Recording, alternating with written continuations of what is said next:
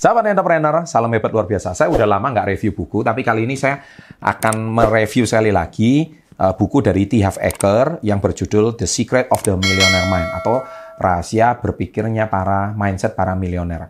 Dan buku ini udah saya rangkum juga. Jadi Anda nggak perlu memiliki buku itu. Udah saya rangkum juga di halaman 28 Success Before 30 yang saya sudah rangkum gampang banget tinggal 5 halaman.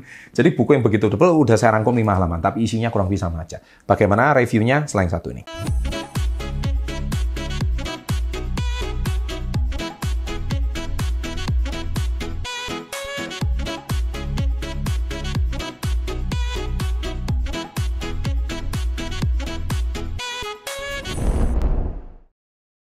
Nah, sahabat SP30, buku ini intisarinya ada 17 poin yang saya akan menggedor cara berpikir Anda jujur uh, bagi Anda yang tidak kuat membacanya karena banyak sekali kata-kata dan kalimat yang mungkin bertentangan dengan cara berpikir Anda. Bahkan mungkin sebagian dari Anda membaca buku ini bisa tersinggung, atau bahkan Anda mungkin merasa tertampar, atau bahkan merasa terintimidasi. Selagi saya tidak ada maksud itu semua, karena ini semua cara berpikir orang-orang sukses dan miliarder. Yang pertama adalah orang sukses percaya saya bertanggung jawab pada diri sendiri. Nah, anda perhatikan ya, ketika Anda diberikan tugas dan tanggung jawab, tapi ketika Anda tidak mampu menyelesaikannya, Anda melempar pada orang lain. Anda menyalahkan orang lain, menyalahkan pemerintah, menyalahkan orang tua, menyalahkan adik, menyalahkan guru, menyalahkan siapa pun. Itu bukan cara berpikir miliarder. Jadi dia tahu kalau dia salah, dia tanggung jawab, ini salah saya sendiri. Nah, oleh sebab itu dia orang sukses percaya, saya harus tanggung jawab pada diri saya. Itu poin yang pertama. Nah, yang kedua adalah orang sukses itu memegang kendali atas kondisi keuangannya. Jadi dia terima gaji, dia tahu cara pengaturan uangnya. Dia tidak uh, membiarkan orang lain yang mengendalikan ya. Kendali keuangan di tangan Anda, jadi bukan di tangan orang lain. Jadi siapa pun setiap rupiah yang keluar dari kas Anda itu Anda tahu. Karena Anda betul-betul kontrol kondisi keuangan Anda sendiri. Makanya mereka bukannya uh, orang-orang yang sukses itu bukan nggak pernah gagal. Mereka tuh dari 50 ribu rupiah jadi 10 ribu rupiah, mereka juga ngalamin Nah, ini memang udah nasib. Saya memang udah ditakdirkan miskin. Nah, itu adalah kata-kata orang yang menyerah. Nah, tapi Tiaf Eker mengajarkan mereka memegang kondisi keuangannya. Nah, yang ketiga, orang sukses berkomitmen menjadi kaya, sedangkan orang gagal cuman pengen kaya. Kalau saya tanya, siapa yang pengen kaya? Semua angkat tangan. Tapi siapa yang berkomitmen untuk mau kaya? Sangat sedikit sekali. Nah, jadi oleh sebab itu, komitmen untuk kaya itu adalah sebuah millionaire mindset. Poin yang keempat adalah orang sukses berpikir sukses, sedangkan orang gagal selalu berpikir sempit. Ya, orang sukses mereka selalu mencari cara, orang gagal selalu mencari alasan. Nah, yang kelima, orang sukses Nah, ini sama. Orang sukses mencari jalan, orang gagal mencari alasan. Ini tipe yang kelima, ya. Kalau yang keempat tadi orang sukses berpikir sukses. Millionaire mindset yang keenam adalah orang sukses mengagumi suksesnya orang lain, sedangkan orang gagal selalu iri melihat kesuksesan orang lain. Ayo, siapa yang di sini? Uh, panutan Anda. Jadi kalau Anda tolong tulis di menit keberapa panutan Anda. Anda tulis Anda akan bisa jadi seperti mereka. Dengan versi Anda, bukan versi dia. Yang ketujuh, orang sukses selalu berkumpul dan berkomunitas dengan orang sukses. Makanya saya selalu tak katakan mindset, alat, dan mentor. Nah, alat ini di bagiannya itu ada komunitas. Nah, komunitas itu penting. Salah satunya komunitas Yes, ya, mengajarkan Anda untuk berkumpul dengan orang-orang yang mudah dan mau berhasil. Yang kedelapan adalah orang sukses selalu tahu bagaimana cara mempromosikan diri dan berjualan. Karena tidak ada orang sukses yang nggak pandai menjual. Semua itu harus belajar cara promosi dan berjualan. Dengan demikian dia bisa mengubah sampah pun jadi uang.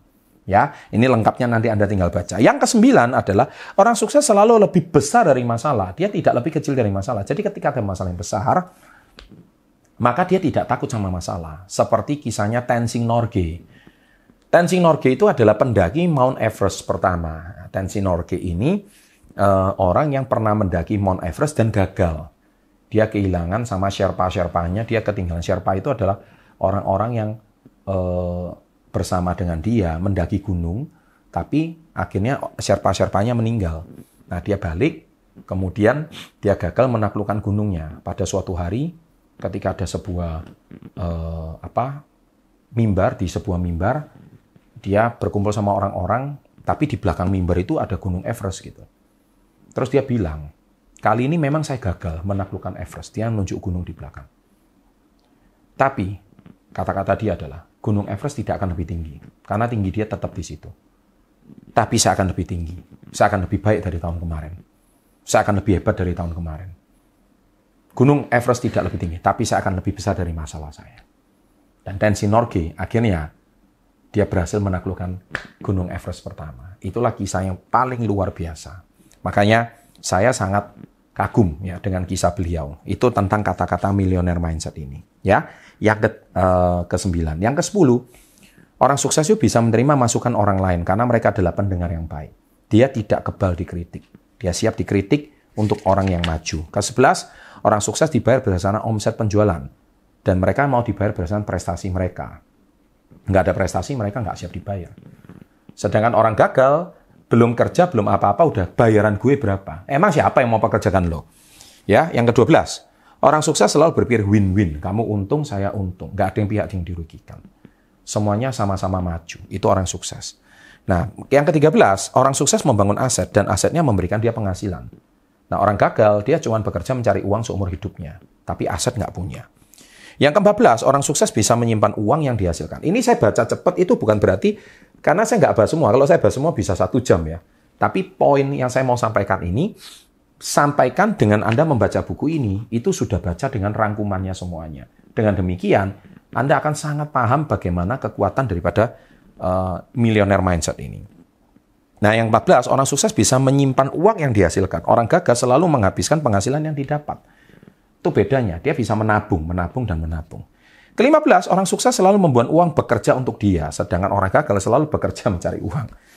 Dan yang dua poin terakhir, poin ke-16 ya adalah orang sukses bisa mengatasi ketakutannya. Orang gagal selalu dikalahkan oleh rasa takut. Dan yang ke-17 adalah orang sukses selalu haus akan ilmu, dia mau maju, dia mau belajar dari orang lain, dan orang gagal baca buku aja males. Ya, padahal buku ini harganya cuma 190 ribu, sama cuma dengan dua kali makan malam di mall.